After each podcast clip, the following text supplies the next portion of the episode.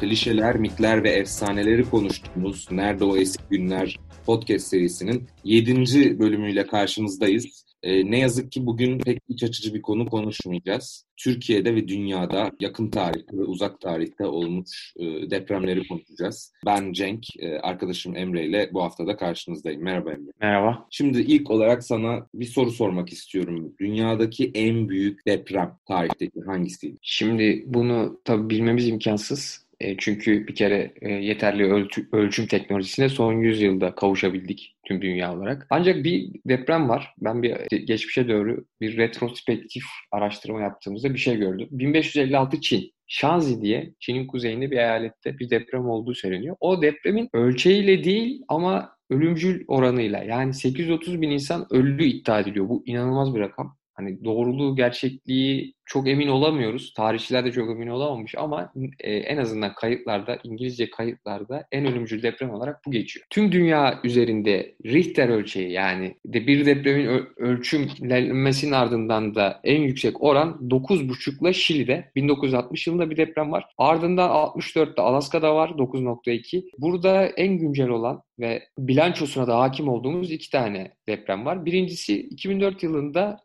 bir tsunami, Hint okyanusunda bir tsunami olmuştu. Sen de hatırlarsın. Endonezya'ya çok büyük hasarı olan ve e, ölüm sayısı çok fazla olan bir tsunami. Aynen öyle. Bölge ülkelerinde bir tsunami dalgası olmuştu. Yaşayanlar çok net hatırlar. 230 bin insan hayatını kaybetmişti. En ağır yarayı Endonezya aldı ama diğer bölgedeki ülkeler de etkilendi. 9.1'lik bir deprem var. O da 2011 yılında. Bunun da e, oluşturduğu bir tahribat bayağı bir tartışmalara kapı araladı. Çünkü Fukushima nükleer santral tesisi zarar gördü ve tarihteki en ağır ikinci nükleer kaza, santral kazası olarak kayıtlara geçti. Japonya'da. Çernobil'den sonra.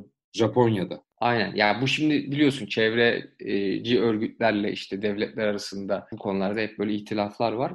O noktada da çevreci duyarlılığı daha yüksek olan insanların elinde bir bu anlamda bir koz olarak. Yani onlar dedi işte %100 korunaklı, %100 teknolojik e, ve herhangi bir doğal afetten zarar ver, verecek bir tesis yapamazsınız. Yani böyle bir tesis yapılamaz deniyor. Bunun karşısında tabii karşı argümanlar da var ama böyle bir ihtilafın enteresan bir olay olarak tarihe geçti. Yani depremler yalnızca oldukları anda yarattıkları etki veya yıkımdan ziyade sebep oldukları bazı başka felaketler de olabiliyor. Coğrafyamıza biraz yaklaşalım isterim. Tarihten devam ediyoruz yine. Biraz da uzak tarihten.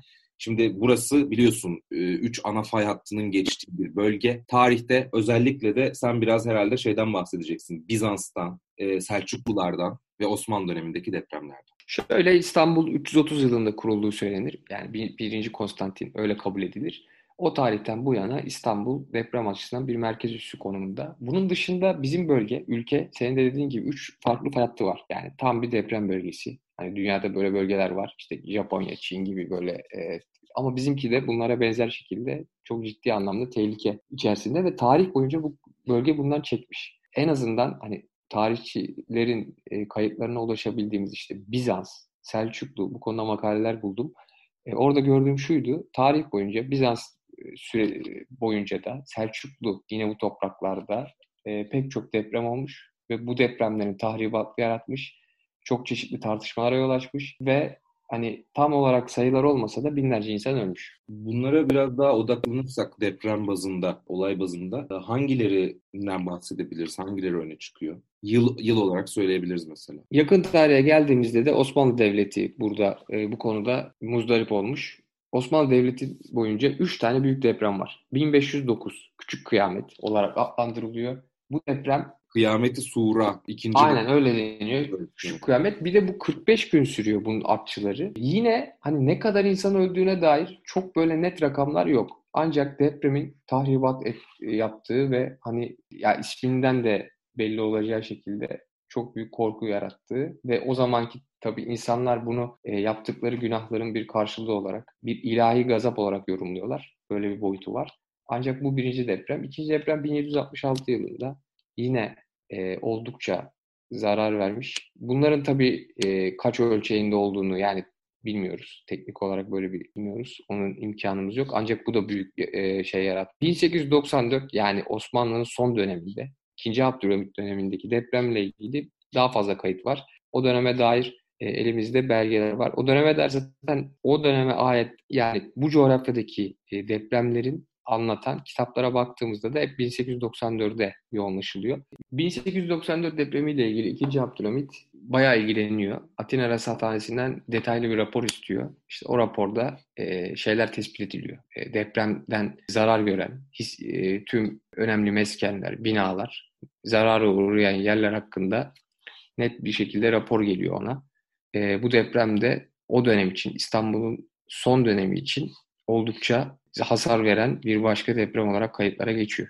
Yani kısa bir şekilde ben Osmanlı'daki e, özellikle İstanbul özelinde şuna vurgu yapmak istiyorum. Çok fazla deprem olduğu için zaman içerisinde taş yapılardan ahşap yapılara geçirmiş. Özellikle İstanbul'da. E, çünkü taş yapıların biliyorsun yıkıldığı zaman çok büyük işte ölüm tehlikesi oluyor. Ölüyorlar. Ama bu sefer de ne oluyor? Ahşap yapılar yangınları beraberinde getiriyor. Aynen körüklüyor. O evet. tam bir ve şey aslında bir döngü, trajik bir döngü. Ee, Sultanahmet Meydanı da dahil olmak üzere İstanbul'daki birçok o hani peyzaj alanı aslında e, bir noktadan sonra belli yıllardan sonra o ahşap yapıların yanmasıyla birlikte yeniden oluşturulan parklar. Hani bunu da kısaca değinelim. Nereye gelelim şimdi? Şunu diyeyim, sen bir şey yaparken çok güzel bir noktaya girdin çünkü. Orada şöyle bir şey var. Hakikaten ahşap yapılar depremdeki bilançoyu daha olumlu etkiliyor. Ölüm sayısını azaltıyor. Ama bu sefer yangınlar biliyorsun İstanbul'un bir başka meşhur afet yangın. durumu da yangın. Çok fazla yangın vakası var yani. O da çok ünlüdür.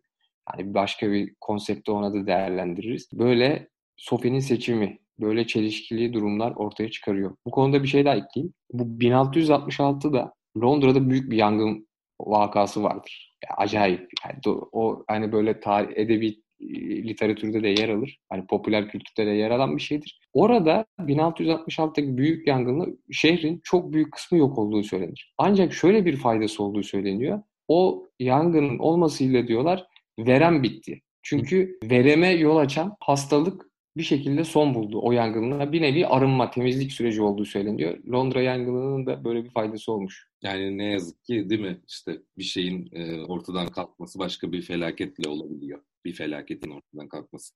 Türkiye Cumhuriyeti'ne odaklanalım mı? Türkiye Cumhuriyeti tarihindeki depremler. Şimdi Türkiye Cumhuriyeti tarihinde zaten en önemli deprem depremlerden biri 1939 Erzincan depremi. Bu deprem ünlüdür. Fotoğrafları falan da vardır İsmet İnönü bilirsin.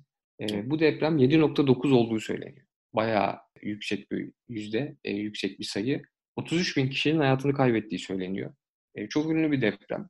Hani hem edebi tarih, edebi kitaplara da konu olmuş. İşte o dönemi yaşayanlar büyük bir felaket olduğunu söylerler. Bizim doğu bu bölgesi de bu anlamda maalesef e, olumsuz bir karneye sahip. Orada da çok fazla deprem var. E, bir en yakın dönemde hatırlarsın 2011 Van depremiydi. O da 7.2 idi. 601 kişi ölmüştü.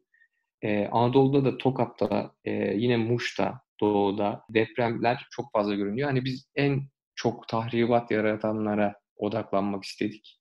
Çünkü Türkiye'de her zaman deprem var. Yani Türkiye evet. tam anlamıyla bir deprem bölgesi. Özellikle bu yılda Elazığ, Malatya bu yılın ilk işte başlangıcında olan deprem. Zaten onu bir kez daha e, gündeme getirdi hem Doğu bölgesinde. Şimdi batıya kaydı artık yavaş yavaş. Aynen. Batı noktasında da şimdi İzmir ta en yakın olan deprem oldu geçen hafta. O depremin de e, şeyde karşılığı var. Yani daha önce de oluyor. Özellikle Ege depremleri işte Bodrum 11 10, 15. yüzyıllarda yani bundan seneler önce bile milattan önce bile depremler var. İşte Rodos adasında bir deprem falan var. Böyle önemli depremler olarak kayıtlara düşmüş. Yani antik dünyadan bu yana sallanıyor buralar. Özellikle senin vurgulamak istediğin bir şey vardı. Hani programdan önce konuşuyorduk mesela Poseidon meselesi. Yani antik yani dönemde... Tabii geçmişte bilimsel anlamda tam olarak olayı analiz edilemediği için daha başka dini veya o anki inanışlar ölçeği paralelinde açıklamalar yapılıyor. Poseidon bunlardan biri. Su tanrısı değil mi? Evet, evet. Denizler. Onun onun kızdığı zaman tabii depremin bir ölçü getirdiği bir başka yan faktörü de biliyorsun tsunami. Yani lav, şeyler yükseliyor. Deniz yükseliyor. Zaten bu 2004'teki depremde 30 metreye kadar yükselmiş. Yani 30 metre yükseldiği için zaten ölümler o kadar çok. Yani o yüzden 230 bin insan ölüyor. Zaten o dönemki videoları da sen de hatırlarsın. Evet. Tsunami'ydi yani. Depremden daha çok ön plana çıkan, hani daha nadir görülen bir doğa olayı olan tsunami'ydi.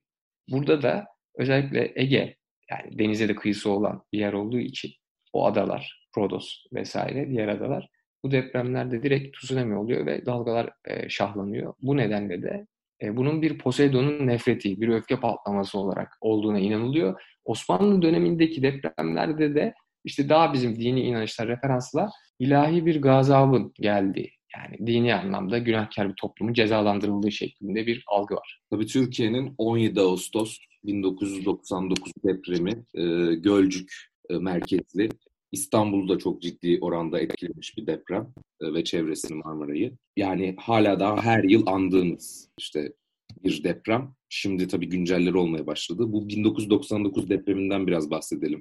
İlk başta biliyorsun 17 Ağustos'ta oldu. Daha sonra ilerleyen aylarda da e, Düzce'de bir deprem meydana geldi. 17 Ağustos depremi e, hafızalarda en çok yer etmiş ve en çok olumsuz anlamda, negatif anlamda bilanço taşıyan deprem. Şöyle e, yaklaşık 7.4 olduğu söylenir, kabul edilir. E, 99 depremi, özellikle Gölcük depremi 18 bin insanın hayatına mal oldu demiştik. Şimdi bu deprem aslında çok büyük kırılmalara ve tartışmalara yol açtı. Özellikle o dönem 99-18 Nisan günü seçim oldu ve Bülent Ecevit seçimde biliyorsun birinci parti oldu. Hemen aradan bir koalisyon kuruldu işte. MHP'nin ve ANAP'ın dahil olduğu üçlü bir koalisyon kuruldu. Bu koalisyon yani er, bu da bir erken seçim sonucu oluşmuştu. O Nisan seçimi seçime giden yolda arkasına rüzgarı alma sebebi Ecevit'in Öcalan'ın yakalanmasıydı. Öcalan Şubat ayında yakalandı ve büyük bir popülarite kazanan Ecevit bunu seçimde sandıklara da yansıtmaya başardı. Ancak o koalisyonun fiilen en büyük darbe aldığı şey 99 depreminde gösterdiği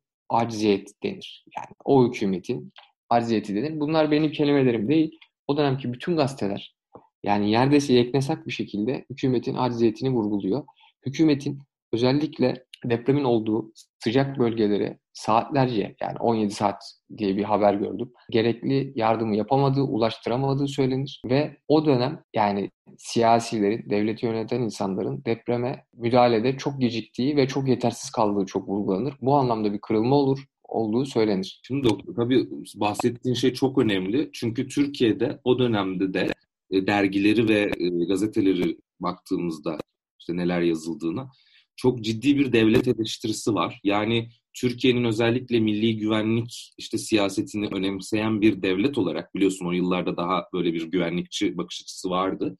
E, fakat doğal afetler konusunda herhangi bir e, önceliği olmadığını eleştiriliyor. Şimdi o dönemin arşivlerine baktığımızda. Bir diğer yandan o durum genel olarak hani hat, yani okumalarımızdan hatırlarsak şu ana kadarki araştırmalarımızdan da Türkiye'de sivil toplumun çok fazla öne çıktığı bir dönem. Yani 99 depreminde devlet kurumlarıyla o kadar eksik kalıyor ki sivil toplum örgütlerinin veya sivil topluma duyulan ihtiyacın e, ciddi olarak öne çıktığı bir hava doğuyor. Belki de bir şeyle birleştirebilir miyiz? O dönem biliyorsun depremden sonra Bill Clinton'ın ziyareti var Türkiye'ye. Tabii o tarihi bir şeydi. Hatırlarsın o bebeğin işte burnuna dokunmuştu. Öyle bir burnunu, burnunu e, tarihi fotoğraf vermişti. Aynen. Evet Çok şimdi o depremde falan. mesela o depremden sonra Bill Clinton'ın işte Türkiye'ye gelmesi Türkiye'de birçok sivil toplum kuruluşunun başkanlarıyla görüştüğü işte Tema Vakfı'ndan diğer e, gruplara kadar görüştüğü bir durum söz konusuydu. Bir diğer yandan da akut meselesi o dönemde çok fazla ön plana çıkarıldı. Bunu medyadan Nasuh da takip edebiliyoruz. Nasuh Mahruki'nin işte... En popüler figürdü yani. Tabii liderliğini üstlendiği Akut e, genç gönüllüleriyle birlikte işte depreme e, depremde arama kurtarma faaliyeti yapıyor şeklinde de.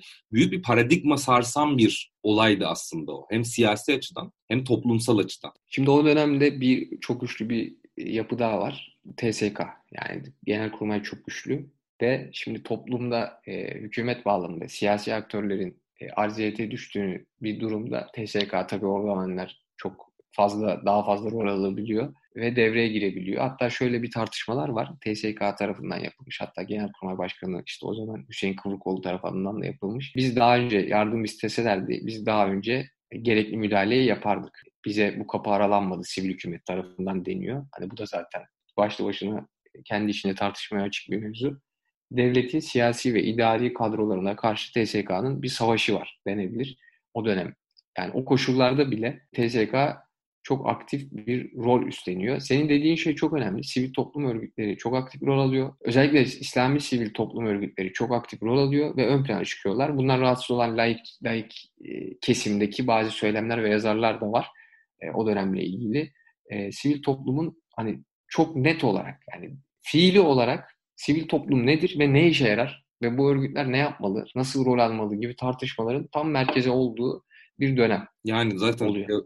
çok teorik konuşulunca fazla hani işte sivil toplumun önemi deniyor falan ama ne yazık ki biraz e, sosyolojide veya işte bu toplumsal meselelerde de böyledir. Bir felaketten sonra işte teorilerde andığımız şeyler pratiğe dökülüyor. Aynen her zaman öyledir. Tarihin bütün aşamalarında, bütün şeylerinde bir felaket olur. Bir başka yani tabii bu doğal afet olmayabilir, siyasi bir felaket de olabilir. Ve ardından da işte yaraya merhem sürülmeye çalışılır. Şimdi o dönemle ilgili 99 depremi tabii çok ilginç figürler de ortaya çıkardı. Sen de hatırlarsın. Ahmet Mete Işıkara vardı. Deprem uzmanı. Deprem uzmanları bir anda çok popülerleşmişti. Çünkü yani İstanbul 1894'ü kerteriz alırsak 100 seneden fazla Marmara bölgesinde deprem olmadı. Maalesef tabii Marmara bölgesinde olan bir depremin yankıları ülkede daha fazla oluyor yani. Bu hani İstanbul'da ne olsa zaten daha fazla yankı buluyor. Yani ülkenin ekonomik ee, merkezinin olmasıyla da alakalı tabii. Aynen yani bu böyle yani. Bir de bilançosu çok ağır. Yani 18 bin insan ve gazete küpürlerine bakıldığında o kadar kötü görüntüler var ki. Yani enkaz görüntüleri tabii iyi olmaz ama yani görüntüler, o binaların yapılması falan hakikaten çok tartışmaya açık olduğu ortaya çıkıyor. Bir de Eli Göçer hatırlarsın. Evet. Evet. Günah keçisi. O dönemin en olumsuz anlamda hani notarius diyorlar ya İngilizler. Evet. Kötü kötü kötü ün yani isimiydi ve hapse girmişti falan. Öyle bir çok ön plana çıkan bir figür olmuştu. Bir figür daha var. Osman Durmuş, Sağlık Bakanı. O, o dönem yaptığı açıklamalarla çok sansasyon yaratmıştı. O dönemin MHP'den Sağlık Bakanı Osman Durmuş ve gelen yardımları özellikle Amerika'dan, Batı'dan gelen yardımları engellediği için bayağı suçlanmıştı. Mecliste tartışmalar falan da var bu konuda. En önemli lafı da Yunan kanına ihtiyacımız yok. Yani bunu dedi demediden ziyade basına yansıyan, akseden yönü buydu. Hani Yunanistan'ın kan bağışı yardımlarını reddetmesiyle çok ön plana çıkmıştı ve diğer cenahlar tarafından işte ırkçılıkla suçlanmıştı. Ermenistan'dan gelen iddia şu, Ermenistan'dan gelen yardım ekiplerini falan da reddediyor. Hani bizim onlara ihtiyacımız yok gibi. Senin az önce vurguladığın dışarıdan yapılan herhangi bir müdahaleye karşı bir cephe hattı, bir e, duruş, sert bir duruş var. Bu dönemlerde bile ortaya çıkıyor ama 99 depremi dönemindeki hükümet bir e, kakafonik bir şey veriyor. Yani güçlü bir duruş vermiyor. O sınavı kötü veriyor. Koordinasyon Ve, da var tabii değil mi? Ya çok ciddi problemler var. Hani bazen şaşır, şaşırtacak derecede çok ciddi problemler var. Bu kadar yakın bir de üstelik yani ulaşım anlamında çok sıkıntılı olmayan bir bölge olmasına rağmen o öyle bir e, tarihte kara bir gün olarak geçti. Evet ben çok teşekkür ederim Emre. Umarım e, bundan sonrası için artık bu tabii kanallarda sürekli televizyon kanallarında tartışılıyor. Ne kadar çözüm getirilebilir bilmiyorum ama bu İzmir depreminden sonra da işin vehameti bir kez daha ortaya çıktı. Umarım e, bununla alakalı ne yapılması gerekiyorsa adımlar atılır. Ama biz en azından yakın tarihten belirli örneklerle bu konuyu işlemek istedik. Teşekkür ederim.